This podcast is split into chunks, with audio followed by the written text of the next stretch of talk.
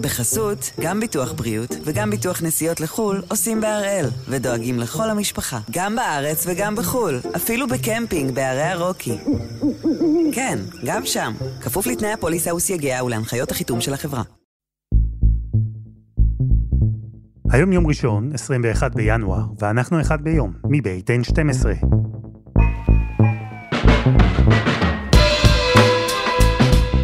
אני אלעד שמחיוף, ואנחנו כאן כדי להבין טוב יותר מה קורה סביבנו, סיפור אחד ביום, בכל יום.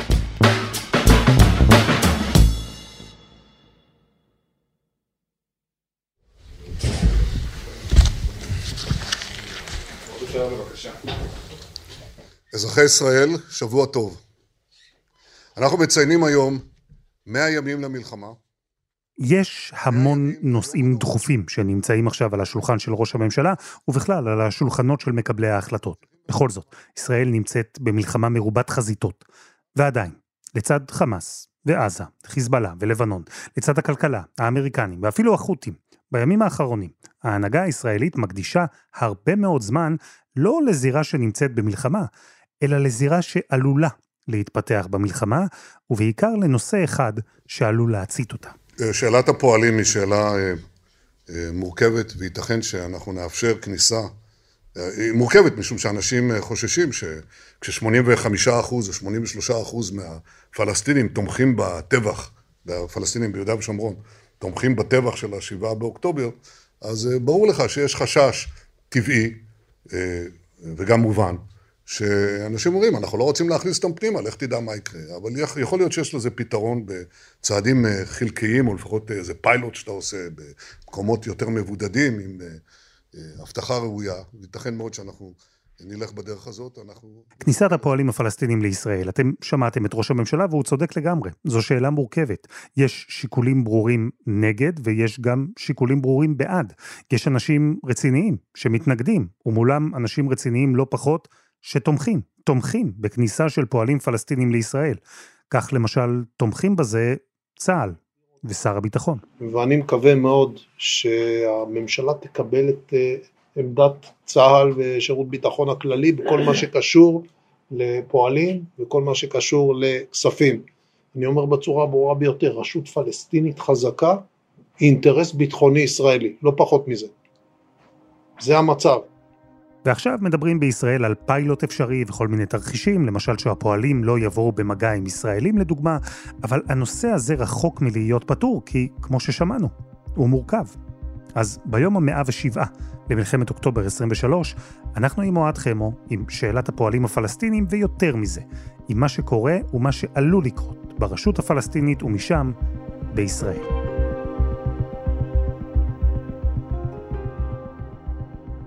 שלום חמו. אהלן אלעד. תראה, כניסת פועלים פלסטינים לישראל זה הרי לא דבר חדש, זה אה, קורה כבר לא מעט זמן. מאז ומעולם. המשק הישראלי תלוי בידיים עובדות פלסטיניות. נכון לשישי באוקטובר, 150 אלף פועלים פלסטינים נכנסו גם לישראל וגם להתנחלויות, כ-110 אלף פחות או יותר נכנסו לישראל, עוד 40 אלף יחסי, שוב, מספר גס, נכנסו להתנחלויות, זה מספר אדיר, 150 אלף ידיים אה, עובדות פלסטיניות, המשק הישראלי תלוי בהם מאוד, אה, בכל מיני ענפים, כמובן הענף המרכזי הוא הבניין, אבל לא רק, גם החקלאות, גם אה, דברים אחרים. ונאמר שמבחינת הפלסטינים, אותם 150 אלף איש הם לא פחות מאשר ההייטקיסטים.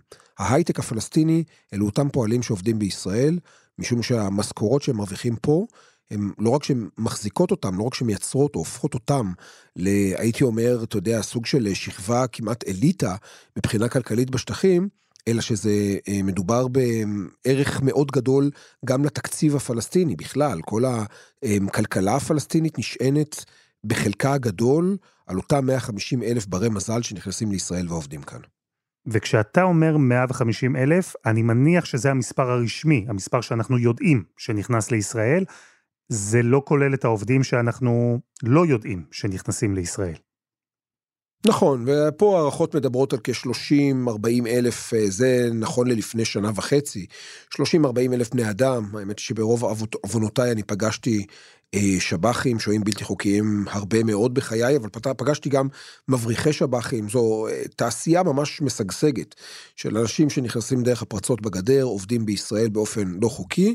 במשך שנים זה היה, אתה יודע, הכל בעצימת עין ובהעלמת עין של ישראל, ישראל התירה את הדבר הזה, והסיבה לכך היא שבעצם לכולם היה נוח עם זה. מצד שני, אה, ברגע שאדם נכנס כשב"ח, זה לא כל כך טוב, בעיקר לרשות הפלסטינית, משום שאז היא לא מקבלת אה, כסף מיסים שמגיעים לה. ולכן התופעה הזו הלכה והצטמצמה, בעיקר אגב, על רקע הסיפור באמת של הפיגועים של השנה וחצי האחרונות, ישראל באמת אטמה הרבה יותר טוב את הגדר. אז בימים כתיקונם דיברנו על פחות או יותר 180 אלף פלסטינים באמת שנכנסים לישראל. ואנחנו עכשיו אה, שלושה חודשים אחרי שפרצה המלחמה, שהתחילה בשמחת תורה, כלומר סוף תקופת החגים, תקופה שבה ממילא ישראל מונעת כניסה של פועלים פלסטינים לשטחה. אז בעצם אנחנו כבר ארבעה חודשים שאין כניסה של פועלים פלסטינים לישראל. איך הדבר הזה משפיע על המצב בגדה? אז קודם כל זה משפיע בצורה יוצאת דופן. אתה יודע, אני אתן לך כמה מספרים, אלעד, כדי להבין עד כמה הדבר הזה הוא בבחינת פצצה מתקתקת. מבחינת המשק הפלסטיני, אנחנו מדברים על 70 אחוז ירידה בהכנסות אה, של הכסף אה, שנכנס לשטחים. 70 אחוזים ירידה בהכנסות, כלומר רבע. כלומר, שקל אחד מכל ארבעה שנכנסו לפני ארבעה חודשים נכנס רק היום. אנחנו מדברים על 52 אחוז ירידה במכירות של הרשות הפלסטינית. אנחנו מדברים על אבטלה של 29 אחוזים, כמעט 30 אחוז אבטלה, זה מספר שיא שהרבה מאוד שנים אה, לא ראינו כמותו, ובאופן כללי צריך להגיד אלעד שהרשות הפלסטינית, המצב הכלכלי שם הוא באמת קטסטרופלי מכמה סיבות. קודם כל, הסיבה של הפועלים. אמרנו, למעלה מ-150 אלף בני אדם לא נכנסים לישראל, משכורות עתק באופן יחסי שהפועלים האלו מרוויחים בארץ לא נכנסים לשטחים, כלומר באמת עשרות ומאות מיליונים של שקלים אה, נמנעת כניסתם אה, לשטחים. הנקודה השנייה זה הסיפור של תרומות. התרומות שהפלסטינים התרגלו וחלק גדול מהתקציב הפלסטיני מתבסס עליהם, גם הם נעצרות. סעודיה עובר, אמ, הייתי אומר, אה, חתול שחור בינם לבין הפלסטינים בתקופה האחרונה, בחודשים האחרונים. אה, אנחנו מדברים על האמריקאים שלא כל כך סומכים לאן הולך הכסף, ולכן באמת אה, ממננים אותו ונותנים אותו לפרויקטים מסוימים, ומדינות אחרות שפשוט עוצרות, עוצרות את ה... סוגרות את הכיס בפני הפלסטינים. זהו, שהעובדים הפלסטינים והכסף שהם מכניסים, וגם התרומות שמקבלת הרשות הפלסטינית, כל זה מאוד חשוב, אבל למיטב הבנתי החלק החשוב ביותר והמרכזי ביותר, זה כספי הסילוקין, כספי המיסים שישראל מחזיקה ולא מעבירה לרשות הפלסטינית, אנחנו דיברנו על זה כאן בעבר. תזכיר לי מה סדר הגודל, על מה אנחנו מדברים? אנחנו מדברים על חצי מיליארד שקל מדי חודש, זה באמת החלק הארי, זה החלק המסיבי, המשכי משמעותי של התקציב של הרשות הפלסטינית, וגם הוא כבר לא נכנס אה, לשטחים. אגב, זה כסף פלסטיני, כספי הפסילוקין, נזכיר, כספים פלסטינים פר אקסלנס, שישראל בעצם לוקחת אה, ואמורה להעביר להם אחר כך, כחלק באמת מתהליך המיסוי, תוצאה של אוסלו. אותם כספים, הם אה, סכום של בין 500 ל-700 מיליון שקל בחודש. אלעד, זה בעצם הלב של התקציב הפלסטיני. בלי זה אין רשות פלסטינית. בוא נדבר אלעד על הקיזוז של הכספים. 100 מיליון דולר שעוברים מהרשות הפלסטינית לרצועת עזה מדי חודש. הם מגיעים למשכורות של אנשי פת"ח, לחשמל, למים, לכיוצא מזה. מגיע השר סמוטריץ' ואומר, חברים, אחרי תחילת המלחמה, לא מוכן להעביר את הכסף כי בסוף הוא מגיע לגורמי אה, חמאס. אבו מאזן שומע את זה, נעמד על רגליים אחוריות, אומר, אני לא רוצה לקחת את הכסף. בכלל. חודשיים הרשות לא לוקחת שקל. בחודש השלישי היא לוקחת, לא משתמשת אבל לוקחת. למה היא לוקחת? כדי לקבל, כדי שיהיה לה כסף בקופה, על מנת שהבנקים הפלסטינים ייתנו לה אשראי, כי הקופה כל כך מדלד, מדלדלת. עכשיו תשמע, אנחנו שמענו צעקות, זעקות גוואלד לאורך השנים, שאין כסף והרשות מתפרקת כל כך הרבה פעמים. אבל נדמה לי שהפעם אנחנו באמת מתקרבים לנקודה מאוד קריטית מבחינת הרשות, שבה הכסף באמת הולך. אז אמרנו כספי הסילוקין, אמרנו הפועלים הפלסטינים, אמרנו אה, תרומות שהלכו ונעצרו להן, כך שבעצם השילוב של כל הדברים שאמרתי עכשיו מייצר משבר כלכלי חסר תקדים בכל מה שקשור ליהודה ושומרון, למעלה משלושה מיליון בני אדם, חלקם הגדול יושבים בבית, מוסתים, ניזונים מתמונות שיוצאות אה, ברצועת עזה, לא מרוויחים כסף. השילוב הזה הוא שילוב כל כך נפיץ, שיש היום הערכה או חשש גדול במערכת הביטחון מפני פיצוץ אמיתי גדול שעלול לקרות בקרוב. אז זהו, שאני רוצה לשאול אותך משהו לגבי זה. כי נקודת המוצא של רבים בישראל היא שמצב כלכלי רע ברשות הפלסטינית יתורגם בהכרח להידרדרות ביטחונית. אבל אולי חמו, בעולם שאחרי 7 באוקטובר, בעולם שבו חשבנו שמצב כלכלי טוב בעזה יתורגם לרגיעה ביטחונית, והבנו שזה לא המצב, אז אולי גם ההפך הוא לא נכון. כלומר, שמצב כלכלי רע ברשות הפלסטינית לאו דווקא יתורגם להידרדרות ביטחונית. השאלה טובה, והעובדה היא שנכון לעכשיו אה, אה, עדיין אנחנו לא חוזים בפיצוץ הזה, אבל כן, אני חייב לומר לך אה, שבשיחות שניהלתי ביממה שתיים האחרונות עם אנשים, בצד השני, אתה שומע על כל מיני סימנים מעידים, נאמר זאת כך. מה זה סימנים מעידים? ערים פלסטיניות שלמות, ובעיקר מחנות פליטים. קלקיליה העיר, מחנה הפליטים נור א-שמס של טול כרם, מחנה הפליטים אל-עמארי, רמאללה, מחנות כמובן בלטה, אה, וכיוצא בזה, מחנה ג'נין, זה כולנו מכירים. כל המקומות האלה, אה, בימים, ביממה שתיים האחרונות, לא יותר, אנחנו מדברים על פיגועים ופיגועי ירי שיוצאים מהמקומות האלה. אנחנו מדברים על חיסול של לא מעט חמושים מבוקשים מהמקומות האלה, חלקם, מחנה בלטה, אתמול, שניים מתוך שלושה מחוסלים הם אנשי מנגנוני ביטחון פלסטינים. אגב, אם יהיה פיצוץ גדול, להבנתי, הוא יבוא משם. בעובדה שהמנגנונים הם בעצם הליבה של העניין. והכל קשור לכסף בסוף, אלעד, הכל קשור לכסף. יושב לו איש מנגנונים אה, פלסטיני, הוא במהלך השנתיים האחרונות הרוויח 80% מהמשכורת, בסך הכל. 80, לא 100%, כי לא היה כסף. בארבעת החודשים האחרונים הוא מרוויח 50 אחוזים. לא 80 אחוז, אלא 50 אחוז. למה? כי באמת הכסף של הרשות הפלסטינית הולך ונגמר לו. עכשיו, יושב אדם, שגם ככה המשכורת שלו היא 3,200 או 3,400 שקל בחודש. הוא מרוויח חצי מזה בסך הכל, 1,800. יש לו חובות, איש מנגנונים, יש לו נשק גם. יש לו חובות, יש לו בעיות, יש לו אה, אה, התחייבויות כלכליות כאלו ואחרות, ואז דמיין שווה בנפשך שבא אליו מישהו מחמאס למשל, מארגון אחר, ומציע לו עשרת אלפים שקל תמורת פיגוע ירי. מציע לו 20 אלף שקל תמורת העברת אה, נשק. לא יודע מה. זה מדרון חלקלק מאוד בעייתי. זה הסיפור הגדול. וזה חשש שיוצא עכשיו גם מהרשות? כלומר, כשאנשי מנגנוני הביטחון הפלסטינים מדברים עם המקבילים הישראלים שלהם, הם מצלצלים בפעמונים, מדליקים נורות אזהרה ואומרים, חבר'ה, שימו לב, אנחנו לקראת פיצוץ?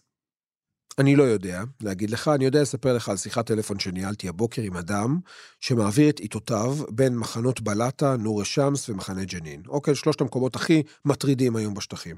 הוא מספר לי שלפני ארבעה חודשים אפשר היה לספור את החמושים בחלק מהמקומות האלה כמעט על אצבעות יד אחת. היום הוא אומר, אתה מדבר על עשרות רבות, זה כבר נושק למאה בחלק מהמקומות, והוא מספר שאותם אנשים הם באמת גיבורי התרבות. הם גיבורי התרבות של המחנה. הוא אומר דור שלם של צעירים, נושא עיניים לאותם אה, אה, חמושים פלסטינים, שאם עד לפני כמה שבועות, חודשים, עוד הסתובבי כולם רעולי פנים, שאיש לא ידע, היום כבר מסתובבים בגלוי, כולם יודעים מי הם ומה הם. הם הגיבורים הגדולים באמת אה, של המחנה. אנשים שאומרים, אין לנו מה להפסיד. ישראל פועלת כמו שהיא פועלת בעזה. ישראל נכנסת ופועלת פה בגדה ביהודה ושומרון. הוא אומר שיש ביקורת, אגב, של הדור המבוגר, שזה מאוד מעניין, שיש כאלו שממש מקללים אותם, מבוגרים, פועלים בישראל, שבאים ואומרים, הנה דין מוקאומי. אה, לעזאזל עם ההתנגדות, לעזאזל איתכם עם החמושים, אבל הוא אומר שאלה קולות באופן יחסי בודדים. אה, והמיינסטרים, המיינסטרים הצעיר, הפלסטיני, באותם מקומות בפרט, אני לא מדבר כמובן על כל השטחים, אבל המקומות האלה מועדים לפורענות, אותם מקומות, שוב, מחנות פליטים בעיקר, צפון הגדה והכל, אבל, וזה אבל חשוב מאוד, אלעד, ואני רוצה שנשים את הדברים בקונטקסט.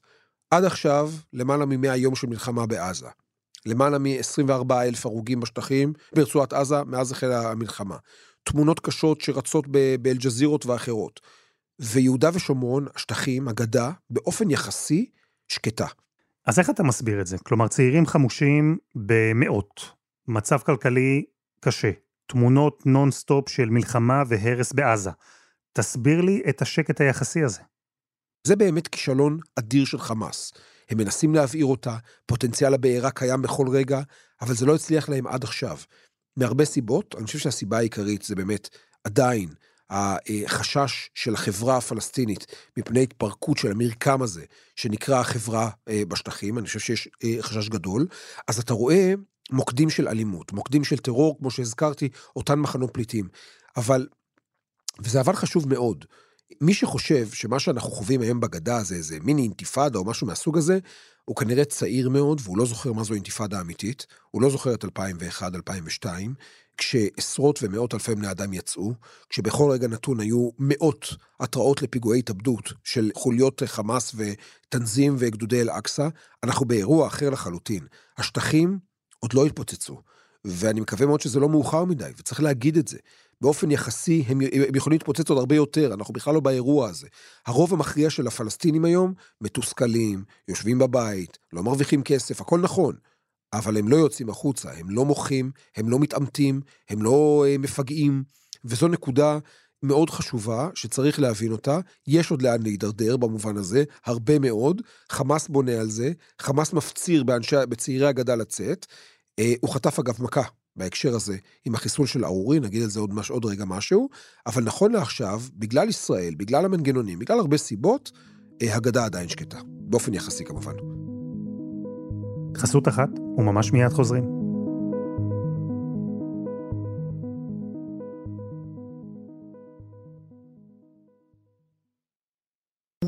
בחסות, גם ביטוח בריאות וגם ביטוח נסיעות לחו"ל עושים בהראל, ודואגים לכל המשפחה, גם בארץ וגם בחו"ל, אפילו בקמפינג בערי הרוקי. כן, גם שם, כפוף לתנאי הפוליסה וסייגיה ולהנחיות החיתום של החברה. חמו, בואו נדבר על אה, סאלח אל-ערורי, מחזיק אה, תיק אגדה בחמאס לשעבר, הדמות הבכירה ביותר בארגון שחוסלה עד עכשיו במלחמה. עד כמה הוא היה חיוני לכוח של חמאס בגדה, לפעילות של חמאס בגדה? כלומר, עד כמה החיסול שלו משפיע על מה שקורה בגדה? ההבנה היא שזה עדיין לא השפיע כמובן, זה זמן קצר מדי אה, מאז חיסולו, אבל יש הערכות בעיקר בקרב מנגנוני הביטחון הפלסטינים, שזה בלונגרן, בטווח הארוך, זה עתיד להשפיע בהחלט. זה אדם עם קשרים יוצאי דופן, אדם שהקיף את עצמו באנשי זרוע צבאית של חמאס, כולם משוחררי שליט, כולם אנשי גדה במקור, לכולם יש אנשים, מכרים, משפחות ביהודה ושומרון, כולם עזבו לביירות, לטורקיה, לקטאר, ומשם מבחוץ הם אה, בעצם בנו תשתיות חמאס, שאנחנו נחשפנו ונתקלנו בהם בשנה וחצי האחרונות, כולל פיגועים קשים עם משפחת אה, קוואסמה מחברון, ועם אה, אה, פיגועי הארדקור מאזור שכם, ראינו לא מעט כאלה, מעוריף, ממקומות אחרים, כולם זה זרוע צבאית של חמאס הכי הארדקור שיכול להיות, מי שעומד מאחוריהם זה אדם אחד, סאלח ארורי. באופן כללי, טרור של חמאס בגדה, כל כולו, באותיות קידוש לבנה הייתי אומר, כל כולו אפשר לתלות את תחת השם סאלח ארורי. זה אדם שבונה את התשתיות האלה, בשב"כ מכנים אותם מטה אגדה, שנים הוא מפעיל את הדבר הזה, הוא מייצר באמת את אותו מנגנון, מכניזם של אה, אה, טרור חמאסי ביהודה ושומרון, ולכן ההיעלמות שלו מהזירה בטווח הארוך כנראה עשויה להשפיע, להחליש את חמאס, בהחלט. תשמע, אני מוכרח אז לשאול אותך שאלה, כי אני מודה שלי לפחות קשה לראות תשובה חד משמעית. כי מצד אחד, ישראל מאוד רוצה להימנע מזירה נוספת ביהודה ושומרון, זה ברור, ולכאורה כניסה של פועלים לישראל והזרמה של כסף לרשות, לכאורה זה ימנע את ההידרדרות. אבל מהצד השני, איך אתה באמת יכול להכניס עכשיו לישראל עשרות אלפי פועלים פלסטינים, אחרי מה שראינו שקרה ב-7 באוקטובר, ומה שעדיין קורה בעזה? כך או כך, זו החלטה מאוד מורכבת שהממשלה צריכה לקבל. כן, תשמע, אני, אני חושב ש... כמו הרבה דברים שקשורים לממשלת ישראל הנוכחית, גם פה יש את המצוי ויש את הרצוי. אה, ראש הממשלה נתניהו, כמו בדיוק שר הביטחון גלנט, כן תומכים ורוצים, זו ההבנה שלנו, בחזרה הדרגתית של הפועלים הפלסטינים, אה, גם בגלל, שהמשק הישראלי באמת תלוי בהם, וצריך להגיד את זה, המשק הישראלי תלוי בהם, באמת. אה, יש פה פרויקטים אדירים שנפגעו, בניין, חקלאות וכיוצא בזה. אגב, אספר לך, נכון לעכשיו ישנם אפשרות לשמונת אלפים פועלים בלבד. הם מוגדרים פועלים חיוניים. זה בחברה קדישא ובמערכת הבריאות וכל מיני כאלה. הלכה למעשה נכנסים היום 5,500 פועלים פלסטינים בלבד, מתוך אותם 150 אלף שהזכרנו קודם לכן. אלה המספרים. אז ראש הממשלה נתניהו תומך בהכנסה, אבל זה לא קורה, למה? ופה, כמו הרבה מאוד דברים והרבה מאוד נושאים, יש base. base אמיתי, base דמיוני, אני לא פרשן פוליטי, אני לא יודע, אני רק יודע שברגע שסמוטריץ' ובן גביר נושפים בעורפך, ואתה כל הזמן פוזל לימין, אז אתה לא עושה את הדברים הנכונים. והדבר הנכון כמו שאני רואה אותו, ואני מציף פה את המורכבות, זה שום דבר פה לא פשוט, אבל נדמה לי שברור לכולם, כולל למערכת הביטחון, ואת זה אני יודע בוודאות, שמערכת הביטחון תומכת בהחזרה של לפחות חלק גדול מהפועלים האלה, מהרבה סיבות. מעבר לסיבות הכלכליות שקשורות לחברה הישראלית ולמשק הישראלי, אנחנו מדברים פה בסוף על איזשהו אה, שסתום שאמור להפיג קצת מהמתח הכלכלי, מהלחץ הכלכלי שהפלסטינים נמצאים שם. שנייה, אבל הרי המתנגדים להכנסת פועלים פלסטינים יגידו לך שזו לא התנגדות uh, סתם. הם יאמרו שיש כאן סכנה ביטחונית ממשית. תשמע, בסוף אתה יכול לייצר כל מיני אה, מנגנונים ומכניזמים כאלו ואחרים. למשל פועלים, ומדברים על זה, פועלים מגיל מסוים. פועלים שהשב"כ אה, אה, נותן את הסטמפה עליהם ויודע שהאנשים האלה מעולם לא נעצרו על רקע אה, פחה או משהו מן הסוג הזה. יש הרבה כאלה. אגיד לך יותר מזה, ראינו השבוע פיגוע של שב"חים. אה, בסוף אין פה ואקום. אנשים יודעים להיכנס לישראל ואנשים יודעים לבצר, לבצע פיגועים, ואני אגיד עוד משהו. כמות הפיגועים שנעשו על ידי פועלים פלסטינים שקיבלו אישור כניסה לישראל, בשנים האחרונות אפשר לספור אותו על אצבעות יד אחת. זה נתון מדהים, שצריך להבין אותו. אנחנו מדברים על למעלה מ-100 אלף פועלים שנכנסו פנימה לתוך הקו הירוק, לתוך ישראל, ועדיין אצבעות יד אחת כמות הפיגועים שנעשו על ידי פועלים פלסטינים. ולכן יש פה חשיבות עצומה להבין את זה. אבל כשאתה מפחד מסמוטריץ', ואתה מפחד מבן גביר, ואתה מפחד מה יגידו עליי בימין, ומה יגידו עליי, אז אתה לא לוקח את ההחלטות, ה... מה לעשות, גם אם זו החלטה לא נעימה, וגם אם זו החלטה קשה, ואולי לא פופולרית, זו החלטה נדרשת, זו החלטה שצריכים לעשות אותה. מילא היית יוצר איזושהי אלטרנטיבה, מילא היית יוצר אלטרנטיבה לך, למשק הישראלי, או אלטרנטיבה לשטחים, אבל כל עוד אתם כפותים אחד בשני וזקוקים אחד לשני, ואנחנו מדברים פה על סכנה אמיתית של התפרצות אינתיפאדה אה, בשטחים, בגדה, הסיפור הזה הוא סופר חשוב, ועדיין אין פה מנהיג מספיק אמיץ, שרוצה את זה אגב, כולם אומרים את זה. כל האנשים, גם בסביבתו אומרים את זה. לא מספיק אמיץ כדי לבוא ולקחת החלטה אמיצה, מנהיגותית, אולי לא כל כך פופולרית על רקע באמת מה שאנחנו חווינו ב-7 באוקטובר, אבל מה לעשות, אלה החיים, צריך לעשות את זה. השאלה חמו, אם במקום שבו ממשלת ישראל גוררת רגליים ולא מקבלת החלטות, אז אולי, כמו שקורה בנושאים אחרים, מישהו אחר יקבל את ההחלטה עבורנו.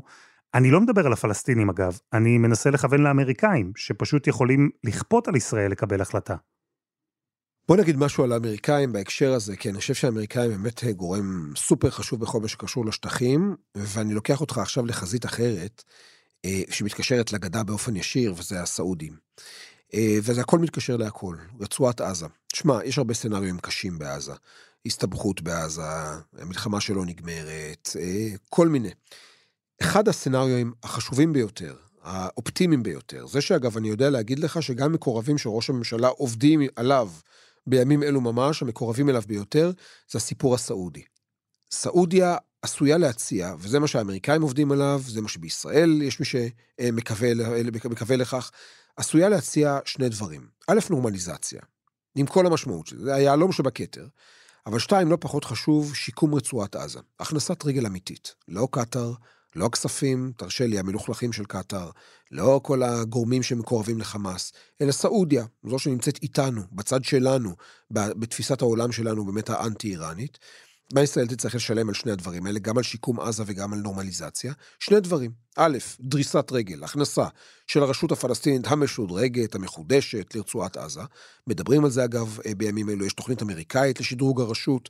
אה, שמענו את ראש הממשלה מתנגד, שוב הבייס, שוב חוזרים למקום הזה, אבל מה לעשות, לא אני ולא אתה אלעד, נטפל בבריאות, ברפואה, ומערכות, ה, אני לא יודע, החינוך של אה, אה, ג'באליה, שוג'אעיה ושאטי, לא אנחנו, אלא רק רשות פלסטינית, רק פת"ח, רק הם בעצמם, ולא כל מיני המצאות, אתה יודע, דמיוניות על אה, שבטים או ראשי, ראשי משפחות, זה הכל הרי קשקושים שאין להם שחר באמת, זה סתם לסמא את העיניים. אז זה דבר אחד, זה מחיר אחד שישראל תצטרך לשלם, וזה להתיר לרשות בעצם לחזור לרצועת עזה. הסיפור שיותר קשה לצד, לצד ממשלת ישראל לעכל, זה הסיפור של הגדה. כי האמריקאים דורשים חיזוק דרמטי, משמעותי מאוד של הרשות הפלסטינית אה, ביהודה ושומרון, בגדה עד כדי הקמת מדינה פלסטינית. ולזה הרי ברור שאין אה, פוליטית, בטח לא אחרי 7 באוקטובר ובטח לא בממשלה הנוכחית. עד כמה הסנטימנט הציבורי הישראלי, היום עזוב רגע את הפוליטי, הציבורי הישראלי היום, נכון לקבל שיח בכלל על מדינה פלסטינית בשטחים, אני לא יודע. אני יודע שבעקבות מלחמות ובעקבות אירועים טראומטיים כמו השבעה באוקטובר ומה שקרה, קורים דברים גדולים. ראינו את זה בעבר, בהיסטוריה, לא רק פה, אלא גם בכל כך הרבה, בכל כך הרבה סיטואציות אחרות. וזו הדרישה האמריקאית, לבוא ופעם אחת, פעם אחת לחסל את הסכסוך הישראלי-פלסטיני. מדינה פלסטינית בגדה, אמריקה נותנת הערבויות, סעודיה נמצאת שם, שיקום של עזה, לייצר פה את החלום שדיברו עליו כל כך הרבה שנים. האם הדבר הזה ישים? אני לא יודע. אגב, אני חושב שאנחנו כחברה לא יכולים לאבד את התקווה, לא יכולים, לא יכולים לחיות בתקווה, ויותר מזה, ישראל מאז ומעולם ידעה להלך בין טיפות, וידעה להסתכל על תמונה ולהגיד, לא הכל צבוע בצבע אחד, מונוליטי, רע. אתה יודע, אחרי השבעה באוקטובר, פתאום הכל נצבע בצבע, בצבע שחור. אבל גם בשחור הזה יש גוונים. ואוי ואבוי לנו אם לא נדע להסתכל על הגוונים האלה, ולהבין שיש הבדל בסוף, יש הבדלים בין אנשים. אמ, ובמובן הזה אני חושב שיש פה הזדמנות אמיתית, שהאמריקאים וחלק מהגורמים הפוליטיים בישראל, כולל אגב מקורבים לראש הממשלה, כן מדברים עליהם, סעודיה כמובן, אה, ונראה לאן זה הולך. חמו, תודה. תודה אלעד. וזה היה אחד ביום של N12. אנחנו מחכים לכם בקבוצה שלנו בפייסבוק, חפשו אחד ביום, הפודקאסט היומי. העורך שלנו הוא רום אטיק, תחקיר והפקה דני נודלמן, עדי חצרוני ושירה הראל, על הסאונד מור הרטוב, יאיר בשן יצר את מוזיקת הפתיחה שלנו, אני אלעד שמחיוף, אנחנו נהיה כאן גם מחר.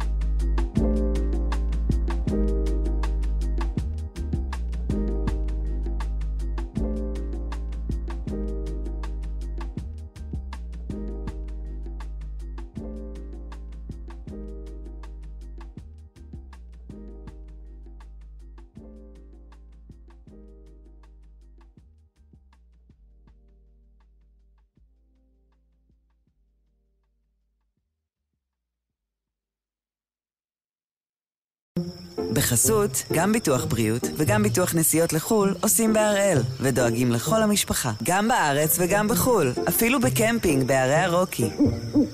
כן, גם שם, כפוף לתנאי הפוליסה וסייגיה ולהנחיות החיתום של החברה.